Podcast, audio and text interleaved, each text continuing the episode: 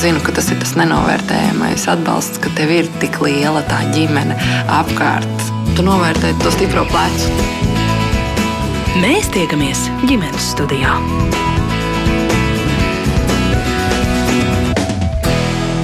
Sveiciens ģimenes studijas klausītājiem. Dati liecina, tie bērni un jaunieši, kuru vecāki sporto, paši ir aktīvāki un labprāt biežāk iesaistās sportiskās nodarbēs. Tā tad arī mazāk laika pavada, piemēram, pie viedierīcēm. Vai katrai ģimenei iespējams kļūt par sportisku ģimeni un kā sports var palīdzēt stiprināt ģimenes saites? Uz šiem jautājumiem es mērķis notiņu meklēšu atbildi kopā ar Kristīnu Vilcāni. Kristīna ir coach, grāmatu un izaugsmas metožu autora autore, brīvprātīgā motrenere jauniešiem, arī trīs dēlu mamma un aizrautīgi skrējēji. Kristīna, es visu pateicu apmēram. Apmēram. Apmēram, jā. jā. Labdien arī Jolantai Aboltiņai. Jolanta, speciālā pedagoģe, arī aba terapeite, divu bērnu mamma. Brīvajos brīžos labprāt nojo dodas pastaigās. Un pārgājienos. Un pārgājienos, jā. Un pa tālruni Lauma Grīva, labdien arī jums! Sveiki visiem! Jā, Lauma ir vieglatlēte, bija aktīva pludmales spēļu 2022 vēstneses, vēstnese, un par Laumu jāsaka piedalījusies Olimpiskajās spēlēs Londonā. Visa ģimene ir aktīva, arī Laumas vecākreiz bija profesionāli sportisti, un droši vien Lauma var teikt, ka sports ir jūsu ģimenes gēnos. Jā, noteikti. Un es jau šobrīd strādāju arī par treneri gan pieaugušajiem, gan bērniem. Tas mums laikam tiešām ir dziļi gēnos. Un vēl ceturtais mūsu sarunas dalībnieks Rimāns Liepiņš, aktīvās atpūtas projekta Stirnu buks organizators, arī organizācijas Engurs sportam vadītājs un četru bērnu tētis. Būs korekti, Rimant? Precīzi, jā. Precīzi. precīzi. Jā, varbūt tad es jums uzreiz arī jautāju, kā jūs eh, teiktu, kas ir sportiska ģimene? Rimant, es jums uzreiz arī jautāju. Aha, tā, jā. Mm -hmm. Nē, nu, sportiska ģimene. Nu, sportiska ģimene droši vien tā, kas pavada uh, pietiekami daudz laika. Ne tikai sporta zālē, bet arī svaigā gaisā, kas, manuprāt, nav maz svarīgi. Un, nu, un kas mēģina sabalansēt tos mūsdienu izaicinājumus, jo uh, nu, nav, jau, nav jau nekādas uh, ilūzijas, kad, uh, kad viedierīces un, un augstās tehnoloģijas ir kaut kas slikts. Tieši otrādi tas ir kaut kas ļoti labs, bet uh, nu, ir jā, jāprot sabalansēt to laiku, ko, ko gan vecāki, gan jaunieši mūsu bērni atlasas pavada pie šīm viedierīcēm un, un, un, un cik daudz viņi kustās ir aktīvi un sociāli, nu, teiksim, nu, tāda dzīvo pilnvērtīga dzīve, nevis noslēdzās kaut kādā virtuālajā mākonī. Nu, tas, man liekas, pats galvenais. Bet tas saķers punkts, ka tomēr ir kaut kas, ko, nu, pieņemsim, vienreiz nedēļā visi dara kopā, aiziet, piemēram, pārgājienā vai kaut kas tam līdzīgs. Tas ir būtiski, jūsuprāt? Nu, tas ir ļoti būtiski, jo, nu, nu ja tētis makšķerē, tad visticamāk, kad uh, kāds no viņa dēliem arī makšķerēs un, un otrādi, bet, uh, bet uh, nu, jā, ja vecāki dara savas lietas kopīgi ar saviem bērniem, tad, nu, bērni uzsūc to, nu, tā kā nu, vecākie ir dzīvais uzskatāmais piemērs, un, man liekas, nevēl tie ir tāds viens no labākajiem piemēriem, kas Latvijā ir, tā ir tāda orientēšanās, uh, orientēšanās sporta sabiedrība, kur šīs dinastijas uh, pietiekami, nu, tādā nepiespiestā veidā tās orientieris dinastijas ir, nu, nezinu, 4, 5, 6 paudzes, nu, viņi, uh, Nu, viņi ir asinīgi, viņi piedzimst tajā pļavā, viņi nodod to tālāk saviem bērniem un šie kopīgie uh, skrējieni, mači, sacensības, nu, tas tāds labākais veids, jo orientēšanās sports ir tāds, nu, tautas sports, teiksim. Nu, es, es pats neesmu orientēšanās sports pārstāvis, vienkārši tādu baltu skaudību skatos, kā, kā viņiem veicās, un man liekas, ka tas, tas pareizais pieejams, kad, nu, ir arī hokeja dinastijas, bet uh, nav noslēpums, kad uh, daudz no mums savos bērnos, nu, tur mēģina ieraudzīt kaut kādus nākamos NHL, NBA čempionus, un tas bieži vien atsita varbūt to vēlmi viņiem būt sportiskiem, nu, kaut kādā zināmā vecumā, bet, bet, ja tas notiek tādā nepiespiestā, neuzbāzīgā veidā, ar izklaidi, ar, ar foršu kopā būšanu, tas ir tāds, nu, tas tiek uzsūkts asinīs, paudzēs. Un tas ir tas, kas ir jādara. Jā, nu laumai te droši vien būtu ko piebilst par to profesionālo sportu. Tad tikko Rimāns eh, salīdzināja profesionālais un tautas sports. Ko jūs par to teiktu? jo jūs vairāk pārstāvat. Jā, sports visos paudz, paudzēs, bet tomēr tas ir savā ziņā tāds profesionāls sports. Jā, nu profesionālais sports ir nedaudz savādāks, jo tas ir savs dzīvesveids praktiski. Bet, uh, lai pierastu pie slodzes, ir ļoti svarīgi jau sākt bērnu vecumā, un tam nav obligāti jābūt jau profesionālam sportam, jo es uzskatu, ka vismaz līdz 14, 15 gadiem tev ir jāspēlējās. Bērnam ir jābūt interesanti, nevis jā, jābūt profesionālam atlētam, lai nenokaut jau pašā saknē to vēlmu sportot. Un šī veselīgā dzīvesveida popularizēšana un pēc tam pārēja jau profesionālā sportā, tā ir tāda īstenībā ļoti maza, bet skaista pārēja, ja pareizi to visu dara un lai, lai neatādās, jo tad, kad es profesionālā sportā, tas treniņš jau ir līdz 6 pat 7 stundām dienā. Un tas jau ir kā dzīvesveids, tādēļ ir ļoti svarīgi ja iesākt šīs tradīcijas, nu, agrā vecumā. Nu, kā jūs ģimenē tas notiek? Par to agro vecumu domājot un runājot. Jā, nu man, man, man mazie puikas uh, jau es pra praktisku, viņus, mēs, mēs pārvācāmies speciāli, lai bērniem dzīvot laukos, jo, lai būtu pieejami šīs um, jūras, takas, un mums ir īstenībā ļoti veiksmīga, ja ļoti skaista zeme un ļoti pie, viegli pieejama gan parki, gan jūra, uh, un uh, aizvien vairāk tiek attīstīti arī visādi muzeji. Un tādēļ īstenībā tālu nav jāskatās, jebkurā pilsētā, ja pieņemsim, mēs dzīvot kaut kādā metropolē, lai atrastu kādu vienu parku, kurš atēdās, pieņemsim jau pēc kāda laika, ir daudz grūtāk, bet mums šie parki ir jebkurā mazpilsētā ļoti viegli pieejami, pat Rīgā, cik, ir, cik daudz ir. Un tādēļ sākumā var pat sākt mazā vecumā uh, ar šādām dažādām pastaigām. Un mums, mums ir obligātā ģimenes tradīcija, uh, ko mēs cenšamies, lai sestdienās mēs pavadīt laiku kopā ar jebkādu pastaigu. Uh, un, protams, iesaistot dažādās aktivitātēs. Un uh, man ir tā, ka man bērni vispār nevar nosēdēt mierā, viņiem visu laiku ir jāskrien, lai kur tas būtu, vai istaba, vai ārā, vai jebkurā vietā. Un es atceros sev bērnībā, mums bija tieši tāda paša tradīcija, ka obligāti vismaz vienu nedēļas nogali mums bija jāiet kopīgā pastaigā. Nu, tas bija tāds vecāku tā kā, uzstādījums vai rosinājums. Es teiktu, ka tā ir tāda vecāku tradīcija, lai tiešām pavadītu to laiku kopā kvalitatīvi. Kristīna Vilcāne, jūs par savu ģimeni un par savu tradīciju, kad jūs tiešām esat aktīvi un kopā. Jā, es pilnīgi piekrītu par to, ka sporta veidam nav nozīmes. Galvenais ir būt aktīviem, un, un tās var būt pastaigas, tie var būt kopīgi skrējieni, izbraucieni ar riteņiem. Tādā veidā tas, manuprāt, ir tik ļoti īsti kopā pavadīts laiks. Jo mēs jau arī varam nezinu, kopīgi pasēdēt, eh, katrs savā telefonā vai kopīgi paskatīties kādu filmu, bet, eh, nu, ja mēs gribam ar sarunām un ar tādiem nezinu, dzīves. Pa tāda, tādu īstenību, ka tu staigā un, un kaut ko pamani, un tu redzi, kā tavs bērns rīkojās tādā vai šādā situācijā. Jā, tā kā es par to, ka mēs tiešām šādā veidā pavadām to laiku kopā. Nu, bet kā jūs pavadāt? Jūs kā trīs bērnu mamma, trīs, trīs dēli.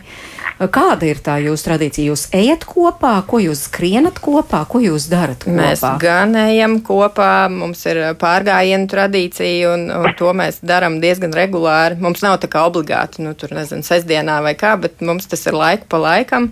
Tad mums ir tradīcija, mēs skrienam kopā, tad mums ir baldonē tādi, mēs dzīvojam baldonē, pie meža, pie riekstu kalna, un tad mums, piemēram, stadionā ir veselības skrējieni, kas mums notiek visas cauri vasaras garumā, 11 skrējieni, un tad tie ir tie, kur mēs skrienam visi kopā, un tad ir prieks redzēt īstenībā tās aktīvās ģimenes, ka tas nav par sportu, tas ir, tā ir skriešana 45 minūtes, mēs skrienam pa stadionu, un tur var redzēt vecs, jauns, jauns, eh, liels, mazs, visi skrien kopā, un te ir tādi svētki, un tad tā ģimene arī tiešām ir, ir kopā, un pēc tam ir ko pārspriest, un, jā, un tad mēs, nezinu, brau, mēs izdomājam, piemēram, dažādas aktivitātes. Mēs izdomājam, o, oh, uzzīmējam kartē taisno līniju, iesim pa taisno vienkārši 3 km, vienalga kāds čēršļi būs priekšā.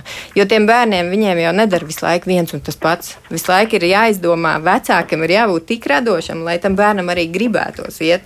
Jo nu, tā tradīcija nu, protams, mums kā pieaugušiem tas ir ļoti būtiski, svarīgi. Mēs varam tikt pāri visādiem negribu un tā tālāk, bet bērns, ja viņš negrib, viņš negrib. -hmm. Un tad, tad mēs ieinteresējam. Vienmēr ļoti labi darbojās ēdiens, piemēram. Aiziesim līdz turienei, katrs aiznes no augstās zupas kaut kādas sastāvdaļas, tur mēs taisīsim ēst. Nu, nu, tādā veidā mēs, mēs esam tie, kam ir jāizdomā, kā ieinteresēt bērnu. Jā, nu pa iešanu tas būtu vienkāršāk, bet par skriešanu. Tomēr ir eh, vienmēr, vai nevienmēr, bet uh, bieži vien eksperti saka, katram jāatrod tas, kas viņam patīk. Ja mēs runājam par tādu ģimenes sportu, nu jūs tur esat pieci, vai tiešām visiem pieciem patīk skriet? Un tas ir ļoti interesanti, jo mums tiešām katram ir savs sporta veids. Jo lielais bērns spēlē disku golfu, mazais futbolu, vidējais ar tēti krosmintonu. Es, eh, es gan ikdienā skrienu, tas ir mans sporta veids, bet mēs caur šo skriešanu esam atraduši, ka tas ir tas, kas mūs vieno, jo skriešanu var uztaisīt kā pasākumu kā jau es minēju, tas pats baldonas skrējiens. Tad mēs skrienam arī Rimanta organizētajos stirnubukos. Un tas ir tiešām pasākums. Tur tiešām ir katram ko darīt, un tas ir tas, ko mēs visi saprotam. Jo, piemēram, nu, disku golfu man īsti negribās spēlēt vai futbolu. Un tad šādā veidā man liekas, ka skriešana ir tāda dabiskā kustība. Un, un bērnam, nu, viņš kā jau minēja, sarunā, bērns visu laiku skrien. Nu, tad mums, kā vecākiem, vienkārši jāpaskrien līdzi, un beigās varbūt mums iepatīkās. Jo īstenībā es sāku skriet tad, kad mans mazais bērns trīs gados iemācījās braukt ar riteni, un viņš nemācīja bremzēt. Man nekas cits neatlika, kā skriet līdzi. Jā, nu droši vien, ka arī man tam te ir ko piebilst par skriešanu, jo, lai gan Kristīna stāsta, tas ir tik dabiski, bet, nu, ja es pa sevi, piemēram, domāju, kaut kā es atteiktos, ja man piedāvātu tur kilometrus mm. skriet. Ziniet, jā, un tas ir tāds, manuprāt, tāds padomju gados uh, ieaudzināts stereotips, kur fiskultūras skolotājs ar svilpi liks skriet 3 km līdz vemšanai, un tāpēc, uh, sākot takskrējumu seriālu Tirbuks, nereti mēs dzirdējām tādu teicienu, ka man riebjās skriet. Un tā bija tāda vispār pieņemta aksioma, man liekas, 30 gadi plus, nu, tai auditorijai, kas ir, nu, varbūt vairāk, šobrīd ir 40 plus. Tas, ko mēs gribējām panākt, un man liekas, ka mums tas diezgan labi ir izdevies, ka caur to tusiņu, caur to nepiespiesto, nu, nevajag to bērnu izdzīt tajā, tajā mežā, nu, lai viņš to dara fana pēc, un ja, ja viņam tā diena ir piepildīta un, un, un, un viņš ir kopā ar saviem draugiem, tur komandas biedriem, skolas biedriem, klases biedriem, tā ir forši pavadīta diena, un man liekas, ka tas ir tas, kas, kas maina to, nu, to, to, to stereotipu skriet ir slikti, skriet riebjās, protams, kad ir tajā jauniešu vecumā ir daudz pulka interesantāks cits nodarbes nekā skriešanas, bet pats galvenais ir laust to, to sajūtu, ka skriet tas ir kaut kas, nu, pretīgi. Nu, nu, tā nebūtu nav to, ja mēs, nu, kas to dara. Taču zinām, ka, ka skriet var arī ar kaifu. Nu, tā, ar prieku. Jā, bet kā to laust? Kā to laust, tad, tad šo sajūtu? Uh, Nu, ir jāatsakās, te jau, man liekas, ka izskanēja agrīnajā, agrīnajā, teiksim, pusauģu gados, nu, man liekas, ka līdz 12, 14 gadu vecumam mums vispār nav jādomā par savu jaunieti kā par potenciālo profesionālu sportistu. Viņam tas sports un aktīva aizklaide ir tikai un vienīgi, kā, nezinu, kā izklaide, kā rotaļa, kā, kā foršs piedzīvojums. Un, nu, Nav jau noslēpums, ka 12, 14 gadu vecumā latviešu zēni sit kanādiešu hokejā, un tur desmitgadīgie puikas sit zviedrus futbolā, un, un tad pienāk 16 gadu vecums, un viss mums vairs nav, kas spēlē, jo viņi visi to ir attēdušies, piegriezušies, un nu, viņiem tas vairs neinteresē. Nu, viņi pa profesionāļiem padarīt pārāk agrā jaunībā. Līdz tam ir jābūt, tā kā, man, manuprāt, Laura teica, ja, ka ir jābūt paša, Laumas atvainojas ļoti. Uh, Un viņa sportiskā ģimene dinastija arī to pierāda, ka ir jābūt tam spēles elementam. Ja ir spēles elements rotaļa, skaists iepakojums, patīkam pavadīt dienu, bērns to pavilksies. Un, un tas, man liekas, tas pats galvenais, jo nu, tā padomju savienības uh, atstātais mantojums, tā lielā mašinērija nu, izdzīvos stiprākais, maucam jau no desmit gadu vecuma.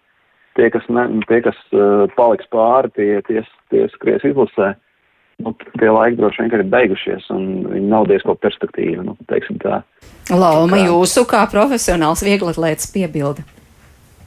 Um, es gribētu uh, noteikti teikt, ka vietlētika ir apakšā vispār visiem sporta veidiem, kā karaliem. Un jebkurā tātad tas pamats, mēs esam nonākuši, man liekas, pie tāda kopēja kopsaucēja, uh, kad ir svarīgi vat visas tās pakāpes par to bērnu sportu, bet ja mēs izdomājam pieaugušā vecumā sākt, tad nevajag izdomāt, ka jūs jau pēc trīs dienām skriesiet 10 vai 20 km. Tā arī ir milzīga kļūda. Jāsāk ir pamazītiņām, tāpat kā mēs māju nevaram uzbūvēt vienā dienā. Nu, protams, labi jauno varam, bet mums arī ķermenis to, tam nav gatavs. Un tādēļ ir ļoti, ļoti svarīgi uh, atbilstoši slodzi izvēlē, izvēlēties atbilstošam sagatavotības līmenim. Un šeit ir ļoti svarīgi gudrs treneris, kurš bērnam māca caur rotaļām un pieaugušam atkal pie, pieskaņošo sportu, sportu uh, atbilstoši viņā, viņa spējām.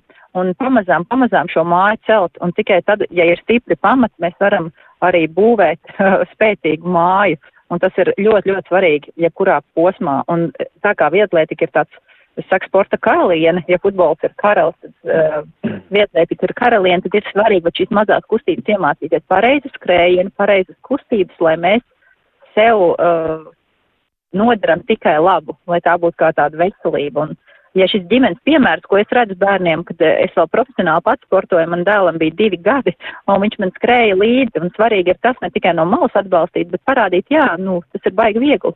Tas arī var no rīta piecelties, un kaut vai nav jānoskrien tie desmit kilometri, izveizēt rokas, un ja mēs redzam to labo piemēru, mums pašiem tikai gribās darīt līdzi. Jā, bet nu, tur profesionāls treneris ir vajadzīgs, lai tomēr ierādītu, kā jūs teicāt, pareizās kustības, Noteikti. pareizo elpošanu un tam līdzīgi. Jā ja nekad dzīvē nekas nav darīts noteikti, uh, obligāti ir vismaz desmit reizes jāpakonsultējās ar labu treneri, kurš parei, parāda, kā pareizās kustības, jo es esmu tik daudz novērojis, šobrīd arī strādājot par treneru, cik ļoti pārprot un pārliek slodas. Un saka, jā, es jau, es jau pamēģināju tur divus mēnešus, bet tur ir pilnīgi jau nokaut saknē tā vēlme kaut ko darīt, jo slodze ir izvēlēta pārāk liela un tas var atstāt arī uh, sliktas uh, sekas uz veselību. Tādēļ ļoti svarīgi, ka pirmās desmit reizes, ja nekas dzīvē nav darīts, un, vai arī ir bijis liels, liels pārtraukums, piemēram, tur pieci, desmit gadi, konsultēties ar profesionālu treneru, kurš pateiks un uh, sagatavos pareizo slodzi atbilstoši šim laika posmam. Jo mēs bieži vien nepamanām, mums liekas, ka desmit gadi pagājuši, mēs varam tikpat ātri noskriet kā pirms desmit gadiem. Bet tā gluži nav. Mums ir vajadzīgs tiešām atjaunot, būs vieglāk, daudz vieglāk tiem, kam jau ir bāzi, daudz vieglāk ir atgriezties. Bet ja, viss ir iespējams tikai ar pareizu un sabalansētu slodzi.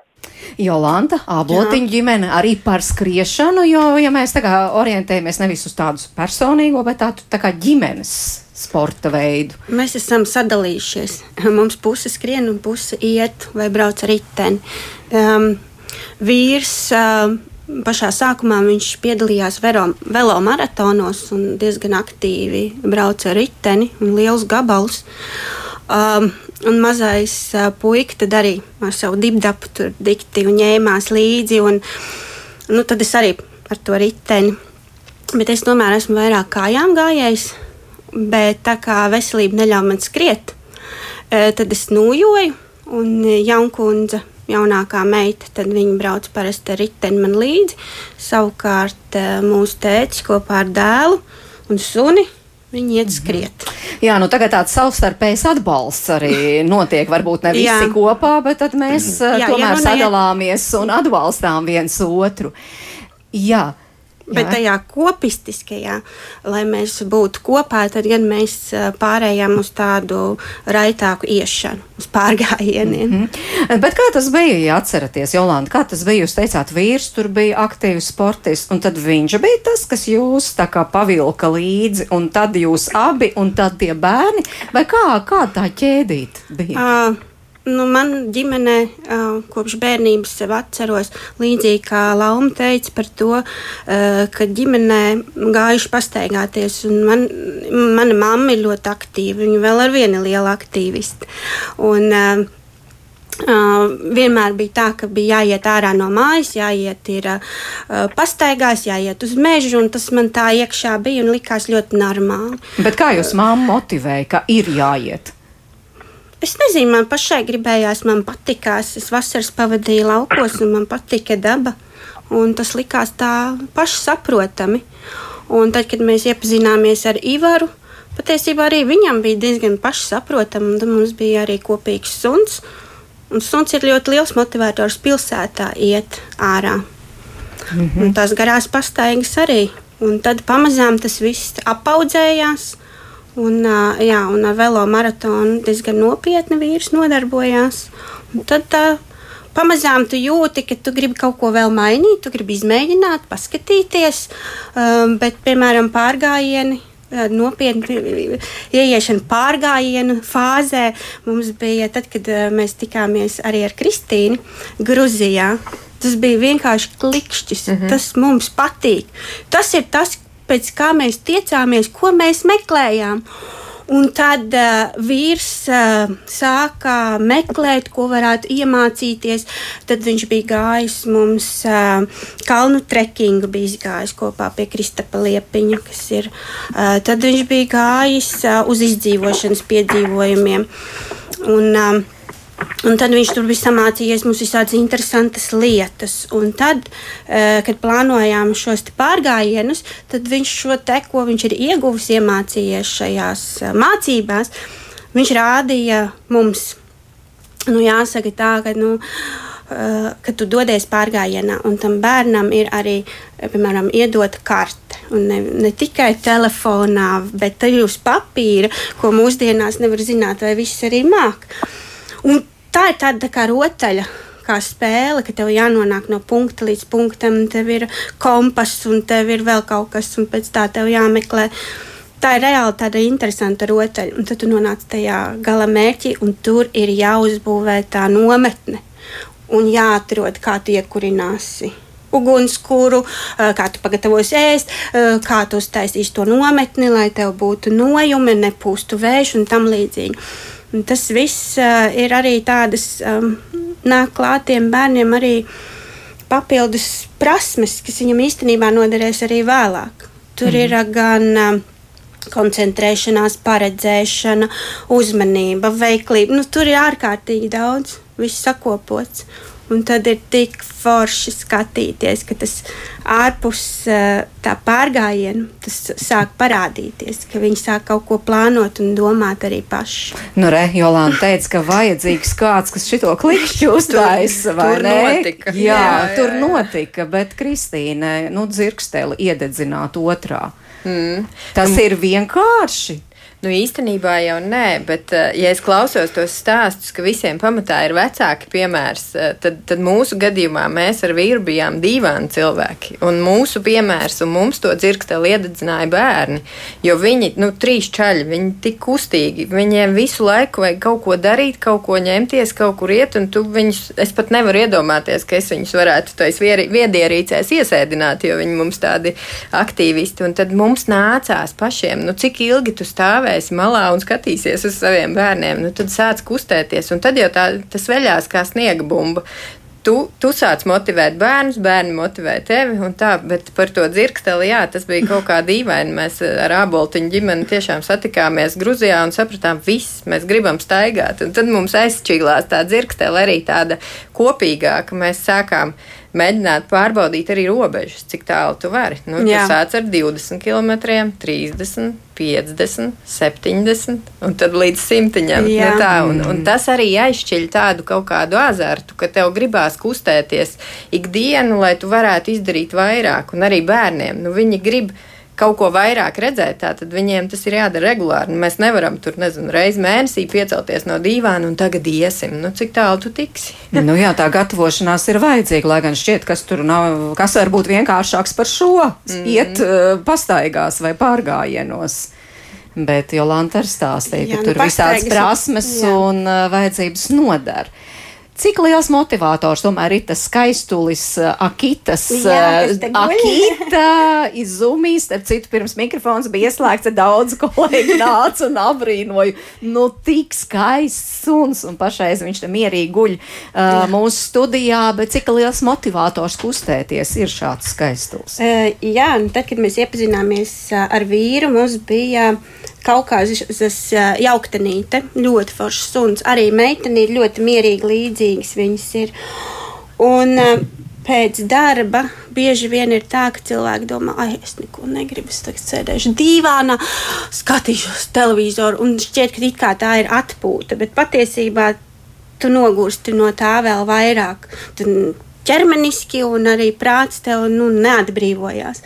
Bet tajā pastaigā, kad ķermenis kustās, nu, tā ir tāda, nu, vismaz uh, man liekas, ka tā ir tāda sava veida meditācija, ka tu izkusties, bet tā, ka tev uh, patīkami. Un uh, tad mums bija suns un ir dalmāciets, bet mēs viņu izvēlējāmies ar nolūku. Um, jo vīrs brauc ar tiem riteņiem, un tad mēs diezgan daudz braukājām trijotā riteņiem, tāpēc mums vajadzēja suni, kurš skrien. Tāpēc mēs izvēlējāmies dalmācieti. Savukārt tagad dalmācietis jau ir vecs, un mūsu periods, tā fāze ir pārgājiena. Mēs meklējām suni, kurš varēs nākt mums līdzi, kurš ir izturīgs. Uh, ziemā nesalst, jo dalmācietim ziemā bija jāņem sedziņa līdzi un, un zeķītis jāvelk, tad, kad viss apstājies. Savukārt šeit uh, akitām ir tā, vispār akitas ir darba suņi. Viņi pēc savas būtības ir mednieki kalnos un ļoti izturīgi suņi un tad ļoti prātīgi. Mm -hmm. Un uh, vīrs arī skrien un arī ir piedalījušies kanikrosā. Tā kā, Kur jā. tā kā vīrs kopā ar suni. Jā, -hmm. jā lauma, varbūt arī rimanti. Ir kaut kas piebilstams šeit par dzīvnieku, māju dzīvnieku, piemēram, suni kā motivātoru tiem, kuriem tomēr nu, ļoti patīk tajos divānos sēdēt vai gulēt. Jā, protams. Protams, ka suns ir ļoti labi, bet tas atkal jāskatās no ģimenes, vai mēs spējam to dienu dienā darīt. Es domāju, ka viss, kas motivē, tas ir vienkārši fantastisks, jo suns ir labākais draugs un uh, uh, tas ir tāds liels lēmums un man liekas, tas ir kolosāli, ja ģimenē ienāk kā vēl viens ģimenes loceklis. Bet, uh, jā, tur ir katrai ģimenei jāizvērtē droši vien. Es absolūti piekrītu. Mums ģimenē ir nu, tāds jau diezgan sens seniors uh, labradors, ar kuru es savulaik sāku vispār skriet kopā un kas bija tāds vidēji aktīvs un, un, un, un tāds ļoti. Tad šobrīd mums ir jauns suns, kas ir Austrālijas aitas suns un, nu, ir bišķi pat raku. Nu, to, to čalu mēs nevaram neviens nokausēt. Tas ir strīdeklis. Tā kā jā, ir baigi jāpadomā, kādi ir tie dzīvnieki, bet uh, dzīvnieks ļoti, ļoti palīdz. Jā, es atgādinu mūsu klausītājiem, tātad šodien pie mums studijā ir Kristīna Vilcāne. Kristīna ir koča, grāmatu un izaugsmas metožu autora, arī brīvprātīgā motrenera jauniešiem, trīs dēlu mamma un tātad aktīva dzīvesveida piekritēja, tāda pat arī Jolanta Aboltiņa, speciālā pedagoģe, aba terapeite, divu bērnu mamma, Lauma Grīva, kas ir vieglatlēte, pat piedalījusies Olimpiskajās spēlēs, un Laumas ģimene tiešām ir aktīva, jo tur jau vairākās paudzēs uh, ir profesionāli sportisti, un pie mūsu studijā arī mm, Rimants Liepiņš, aktīvās atpūtas sporta stirnu buks organizators, organizācijas Engurs sportam vadītājs un četru bērnu tētis, un mēs tātad runājam šodien par to, kā to aktīvo kustēšanos eh, nu, padarīt tādu tīkumu visai ģimenei. Ka tiešām, ka var teikt tā, ka nevis tur viens ir aktīvs, piemēram, tētis dodas katru, katrās brīvdienās skriet uh, pa stirnu buka organizētajām tur takām, bet tomēr uh, dodas līdzi arī bērni, jo tur, piemēram, ir arī mazajiem ko darīt, un, un, un ka, ka ģimene atrod kādu tādu nodarbi, kas ir tīkam visiem. Mēs vairāk runājam par skriešanu, par pārgājieniem, kas ir tā kā pieejamā pieejamāki, demokrātiskāki sporta veidi, bet vai jāmeklē arī kaut kas interesantāks, ko izmēģināt? Nu, piemēram, ģimenē, nu, ja jūs puikas, teiksim, Kristīna teikt, nē, skriet nē, pārgājienos iet nē. Uh, varbūt ir vēl kāda ideja, ko ir vērts izmēģināt, pamēģināt, un kas derētu tādam pulciņam, nevis vienam. Nu, e, es vienmēr uzskatu, ka bērniem spēļošanas elements, jebkurā gadījumā, nu, mēs varam uh, nevarēsim iespējams pierunāt bērnu, ejam sportot, bet, ja iekšā ir kaut kāda spēle, tad tas, tā sportošana kļūst nemanām. Un tas ir mans pieminētais arī disku golfs, kas šobrīd Latvijā, man liekas, ļoti populārs kļūst, jo tā ir tāda nu, tur ir tāds grozs, kurā jāiemet uh, disks, kādreiz teikt, lidojošais šķīvīts, bet tā, tā disku golfā nesaka. Un, un, jā, un tad uh, nemanot, senāk nostaigāt 5 km, bet iekšā ir spēles elements, kurā tu, tu ej un, un met to disku tajā grozā. Vēl visu kaut ko var izdomāt. Ir tāds pats arī futbola golfs, tas gan mazāk bišķiņ, bet arī tieši tāpatās tu it kā ej, tavs mērķis ir bumbu dabūt ar noteiktu sitienu skaitu tur kaut kur bedrītē, bet tu nostaigā atkal vairākus kilometrus. Pārgājiens ar ēšanu vienmēr. Man liekas, ka, nu, ja tu apsoli bērnam, ka galā būs roltons, piemēram, nu, viņš aizies. Nu, viņš aizies. Un, ja tu vēl iedod tam bērnam kaut kādu spēles elementu, kā es teicu, nu, tur tā tavs uzdevums ir aiznest gurķus, tavs uzdevums ir aiznest to vai šito, ja vēl, nezinu, tur galvenais ir vecākiem iesaistīties ar to radošumu, ka tu izdomā, kas tajā spēlē ir. Mēs kādreiz arī tajā pašā Covid laikā, nu, kad vispār nekādu aktivitāšu publisku nav, tad mēs domājam, ok, katru vakaru katrs bērns izdomā savu. Un, piemēram, arī tu izdomā, nu, ja tu negribi staigāt, varbūt, tu gribi kaut ko citu. Un, ja tev bērnam tu ļauj iespēju izdomāt, viņš izdomās. Un, un tad, nezinu, mēs taisījām arī visādus pārgājienus ar tēmām. Piemēram, šodien mēs runājam par to, kas, kas tu būtu, ja tu nebūtu cilvēks. Un tas, tā, tā ir tā sarunas tēma, un tu sarunas, sarunas gaitā tu esi pirmkārt pa īstam uzklausījis savu bērnu, un tu esi izgājis loku pa pilsētu nemanot. Tad var taisīt nezinu, nakts pārgājienus. Tas arī jau būs interesanti. Bērnam jau galvenais, lai ir interesanti, lai ir tā spēle un ir interesanti. Nevis tagad tā, mēs tagad būsim aktīva ģimene, mēs tagad sportosim. Nu, nē, tā neviena nepavilks. Mm -hmm. Arī man, jums kā četru bērnu tētim, arī droši vien jābūt radošam šajā ziņā. Jā, man bija šī skauž tā Valdons puse, jo tur tiešām ir Latvijas labākais disku golfa parks, un es uh, vēl aktīvi nespēlēju, esam pārsteigts pāmpelējušies, bet man liekas, ka disku golfs tā ir nu, ļoti laba nodarbe, jo paralēli tiem pieciem kilometriem tur vēl ir diezgan pulka augstuma metri, kas jāsavāc rāpjoties riekstu kalnā no dažādām pusēm augšā lejā, tā kā jā, tā ir teicama nodarbe. Un, nu, nu, Nu, jāatrod, kas tiem puišiem interesē, jo, nu, es zinu skaidri, ka uh, mēs ļoti labprāt braucam, ja ir vien iespēja, braucam, braucam feratus. Mēs varbūt neejam tādos garos pārgājienos, bet puišiem ļoti patīk izkāpt kaut kādu kalnu maršrutu, ne pārāk sarežģītu, kas tāds nevis kalnu grupas cienīgs, bet tāds, ka tu ej, ka tu ej drošinājuma sistēmā, bet pietiekami vienkārši, nu, ka tu rāpies kaut kādā, nezinu, tur alpu mazā pauguriņā vai, nu, pietiekami lielā. Un, Un tas ir tas, par ko nu, nu, tie mani puiši, jā, viņi 12, 14 gadi, bet iedod tikai viņiem iespēju aizbraukt uz kalniem. Viņi to darīs ar prieku, un tas, tas man atkal tā kā pacelās sirdī, jo tas, tas, tas man ļoti patīk. Mm. Nu, jā. Tā. Jā, paldies arī klausītājiem, kuri lēnām iesaistās mūsu sarunā. Protams, esam atvērti, vai Inga, piemēram, palīdz sups, ja vien var atļauties, piemēram, būtu laba izvēle. Jolanta, ko jūs vēl no savas puses? Uh, ir daudz dažādas izvēles. Es tagad varbūt uh, neteikšu, ko tieši var. Jā, sups, laivas, uh, riteņu braukšanas vai dienīgi viskaut kas. Um, bet, um, Reizēm ir tā, ka tu sēdi un domā, nu, uz kurien iet. Nu, kā tu esi apskatījis visu tuvāko apkārtni. Uh, mēs izmantojam reizēm idejai vienkārši, vai arī izmantojam aplikācijas. Ja, piemēram, ir tās dodies LV. Tu vari ieraudzīt, o, es gribētu doties uz tālsu pusi, kas tur ir un tad tu vari apskatīt. Vai reizēm pietiek vienkārši ar mežu, bet nu, ir zināms, ka nevar pa privātu mežiem staigāt, kur nu vēl ugunskurs kurināt un tādas lietas. Un tad var izmantot aplikāciju, kas ir Latvijas valsts meži, un tad tu izstrādā to maršrutu ne pa mežu, un varbūt ne pa tajām ceļiem, bet varbūt izmanto uh, dzīvnieku takas. Un tas arī būs interesanti. Oh! Mēs iesim, kā jau saka, ekspedīcijā. Nevis ekspedīcijā, bet ekspedīcijā. Un tad mēs ejam tikai un vienīgi pa dzīvnieku takām, vai dienīgi, kur viņas tik mums nav aizradušas. Tas ir ārkārtīgi interesanti. Mm -hmm. Un tad, eh, jā, tas tāds piedzīvojums gars.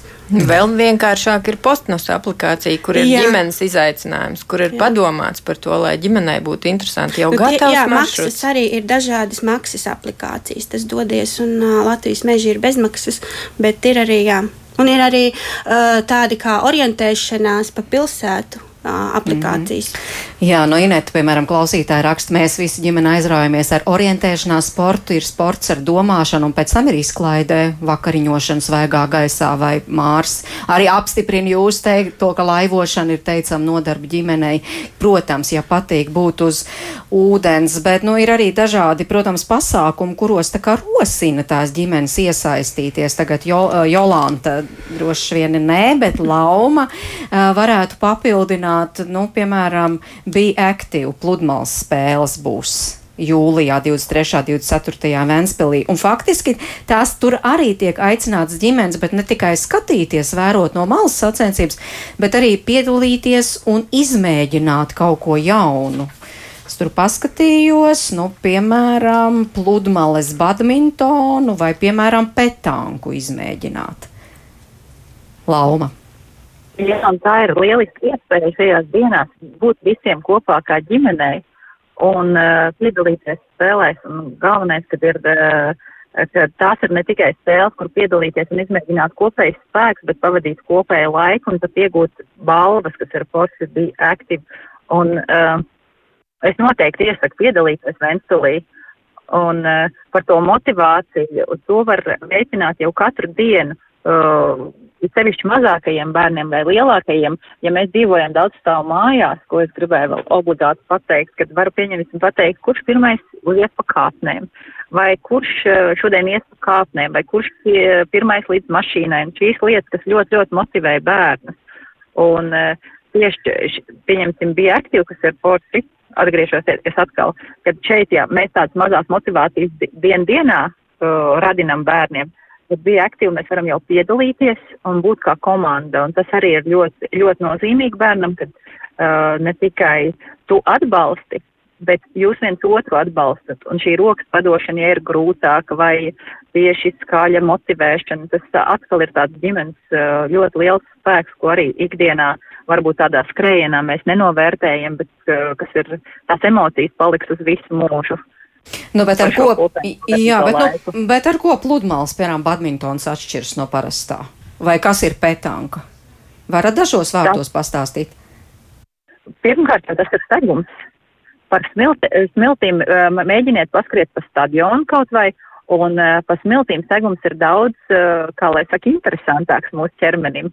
Un tas jau ir tāds varbūt pirmais lielais apgrūtinājums gan vieglāk, gan grūtāk. Un, un, un pludmales vispār arī skats jau emocionālā uzlāde ir uh, pludmalē kas ir ļoti forši. Un mums pludmales jau praktiski visās vietās ir zilā karoga pludmale, ar ko arī mēs Ventspilī lepojamies, kad ir šīs iespējas. Un šie uh, volejbola laukumi, pieņemsim, jau ikdienā stāv, un mēs jau varam aiziet un patrenēties jebkurā brīdī, un kas neprasa liels ieguldījums. Un sākumā tā var būt tāpatās bumbošana vai uh, tur pamešana, un vēlāk jau mēs, uh, uh, kā lai sakam, atstrādājam kustības. Jā, bet nu, cik būtiski ir šādi pamudinājumi no malas? Es, piemēram, arī pamanīju, ka kaut vai Covid laikā Ogres sporta centrs, piemēram, aicināja tieši ģimenes pa mazu, mazu naudiņu, lūdzu, nāciet pie mums, varēsiet izmantot mūsu infrastruktūru, aprīkojumu, nāciet visi ģimeni darboties. Nu, piemēram, cik būtiski, Kristīna, ir šie tādi pamudinājumi, kas tā kā varētu arī aktivizēt? Es domāju, pilnīgi noteikti tas mums palīdz uh, iedot tās idejas, varbūt. Nu, iespējams, tu sēdi, nu, kā Jolanta teica, ir daudz bezmaksas aplikācijas, bet, nu, ja nav iemaņu, piemēram, nu, mēs nesāksim taisīt paši tur maršruts un tā, bet tu aizēji uz kaut ko gatavu. Nu, tāpat arī tie paši pieminētie mūsu baldonas skrējieni. Mēs, mēs tiešām mudinam cilvēkus nākt kaut vai pasēdi tribīnēs, paskaties, lai tas bērns noiet vienu aplīt. Jo šis ir arī, nu, par to, ka mēs tev iedodam ideju, tev redz, kur tepatās viņi ir, un tad pamēģināt. Un iespējams, ka tas iedrošina kādu, kas nu, varbūt nav tik radošs, lai pats izdomātu. Tā kā, man liekas, ka tas ir ļoti svarīgi, lai ir kaut kas no malas, kas pasaka priekšā. Arī man? Nu, pilnīgi piekrīt. Nu, ir jābūt infrastruktūrai un, un tam pakalpojumam, nu, tam sporta veidam ir jābūt. Un mēs tomēr atceramies, ka viņš groz kā grib, viņš konkurē ar to digitālās pasaules piedāvājumu. Un, ja digitālajā pasaulē viss ir skaisti un forši, tad, eh, ja man nav baldonai kvalitatīvas pasaku takas, vai ja man nav tur ideāls disku golfa laukums, kurā es varu, nu, fantastiski pavadīt laiku, tad es vieglāk eju nu, to pasēdēt tajā datorā. Un to mums arī nevajag aizmirst, ka mums visu laiku ir jākonkurē ar tām digitālās pasaules iespējām, tāpēc tiem piedāvājumiem, tai aktīvajai atpūtai ir viens jānāk no vecākiem, bet otrs viņiem ir jābūt arī brīvi pieejamiem un garšīgi iepakotiem. Nu, savādāk tie jaunieši pateiks, nu, ko tad tu sensīts, uz kuriem tu man te atvedi uz 70 gadu laiku un basketbola laukumu uz nolietotu stadionu ar vecu segumu, ar ne, nu, nekvalitatīvu grozu. Nu, viņiem vajag tos porziņu basketbola laukumus, viņiem vajag, nezinu, laukums, kur spēlēt to pašu pludmales volejbolu, pludmales tenisu, un lai tas viss būtu garšīgi, skaisti un aizraujoši. Tur nav nekāda varianta. Mums ir jākonkurē nu, ar digitālo vidi.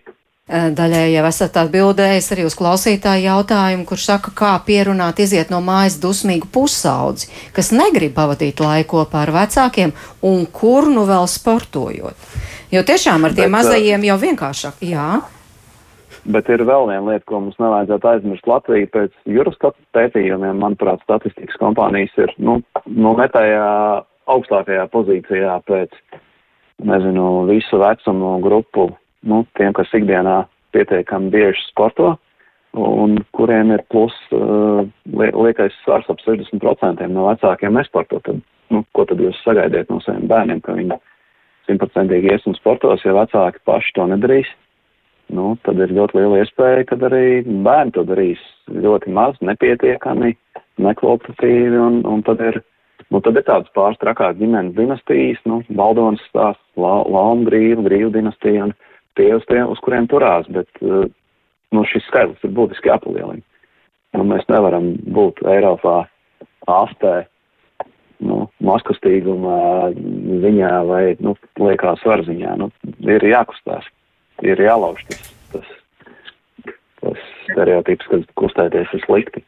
Nu, bet arī šajā sportiskajās ģimenēs arī droši vien dusmīgie pusauģi parādās, ne? Kristīna, Jā, es neparādās. Tieši, tieši tagad aizdomājos par to, ka sākt ar pusaudzi varētu būt diezgan izaicinoši, jo arī, nu, manā ģimenē mēs sākām ar maziem bērniem, un tāpat vienā brīdī pusaudzim ir tāds, nē, es neiešu ejiet paši, cik var tos pārgājienus, vai cik var, nu, tā.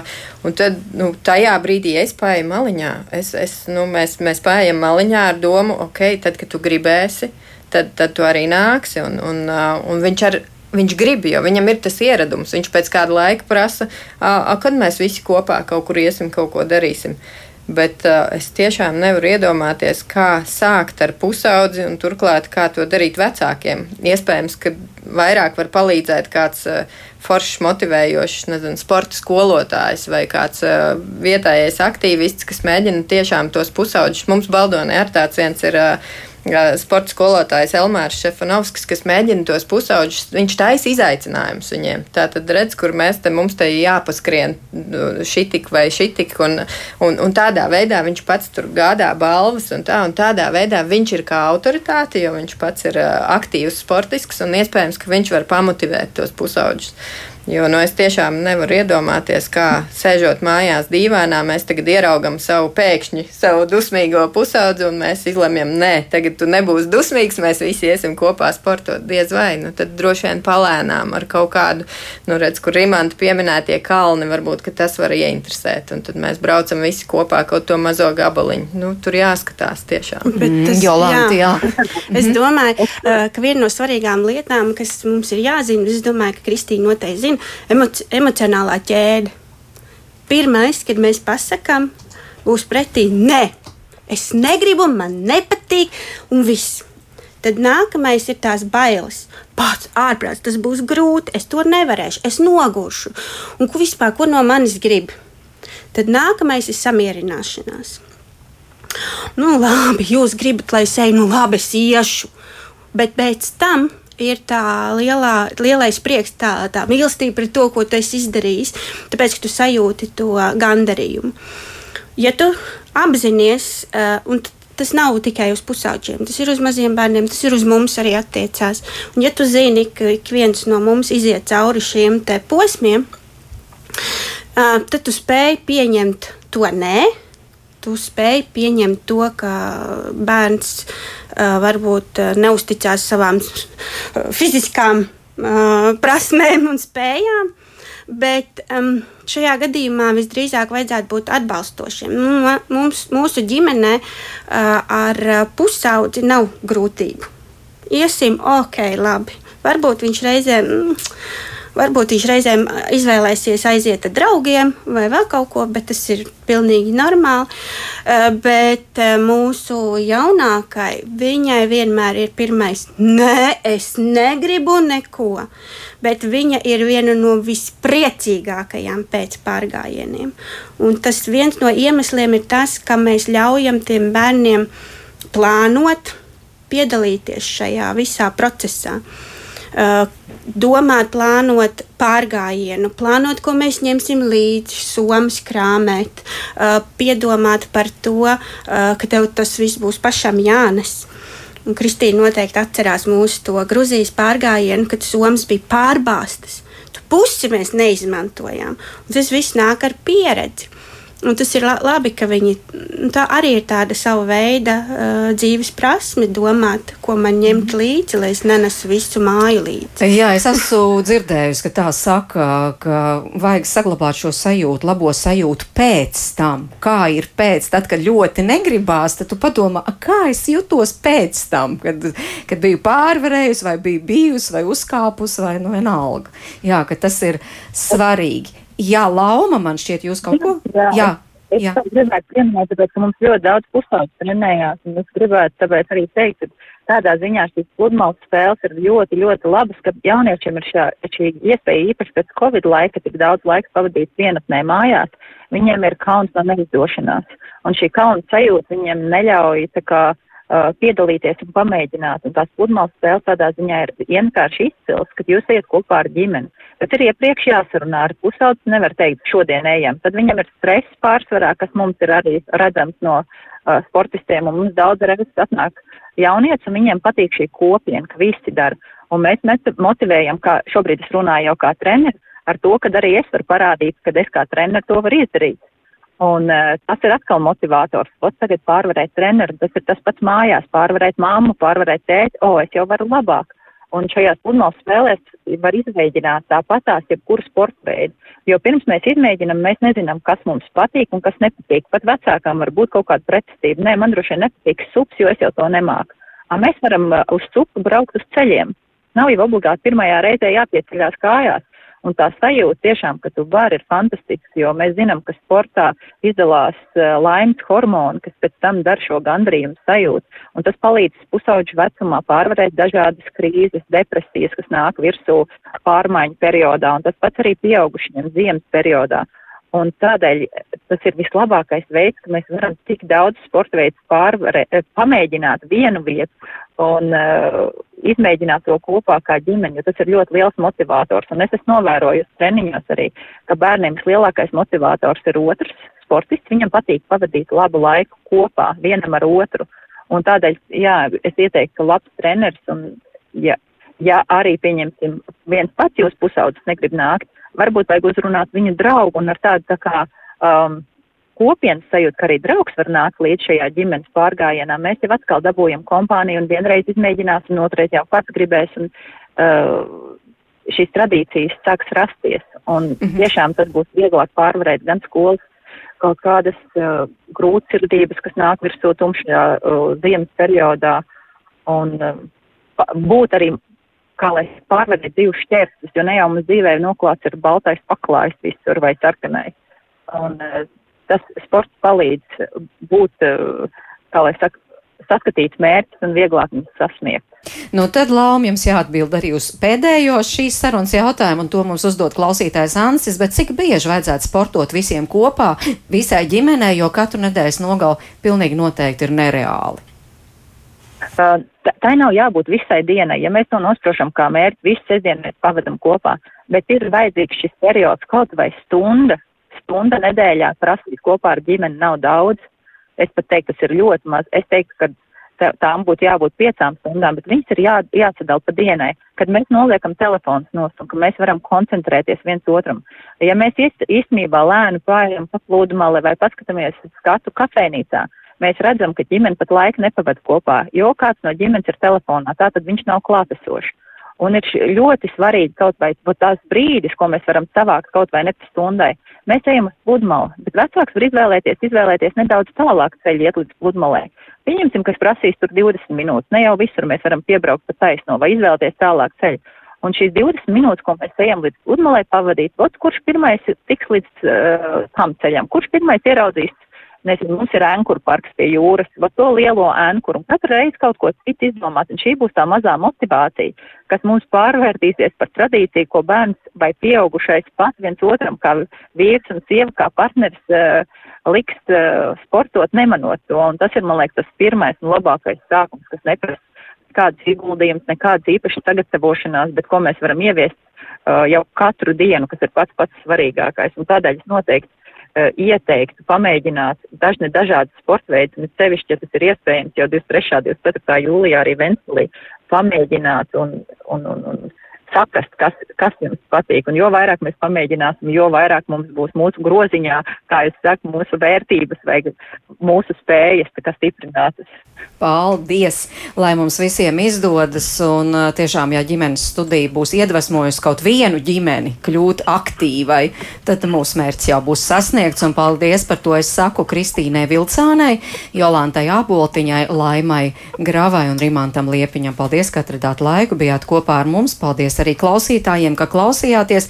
Starp citu, gribu tikai pateikt, piekdien ģimenes studija ir sagatavojusi sarunu ar Krūmu ģimeni no Carnikavas, kur arī sporto visa ģimene, tā kā, ja ir iespēja paklausieties, lūdzu. Bet rītdien runāsim par iestāju pārbaudījumiem uz 7. un 9. klasi Rīgā, uh, kur ir kļuvuši par normu, un daudz ģimenes saskars ar situāciju, ka bērni nav uzņemti nevienā tuvējā skolā. Kāpēc radusies šāda situācija, kam jāmainās, lai bērns nepalikt bez skolas, par to runāsim rīt uz tikšanos un visu labu!